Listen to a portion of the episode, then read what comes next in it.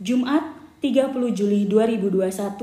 tim gabungan Badan Narkotika Nasional Provinsi Kepulauan Bangka Belitung yang dipimpin AKBP Nurwisnanto SIK bersama Polda Kepulauan Bangka Belitung, Ditpolair Polda Kepulauan Bangka Belitung, Bea Cukai, Kemenkumham Provinsi Bangka Belitung, serta tim Polres Bangka Tengah berhasil menggagalkan penyelundupan narkotika jenis sabu masuk di perairan Pulau Bangka atau tepatnya di perairan Bangka Tengah yang dilakukan oleh sepasang mertua dan menantu. Barang bukti yang didapatkan yaitu satu bungkus berisi kristal dengan jenis sabu seberat 1 kg dan satu paket yang terdapat dua bungkus plastik strip seberat 1,5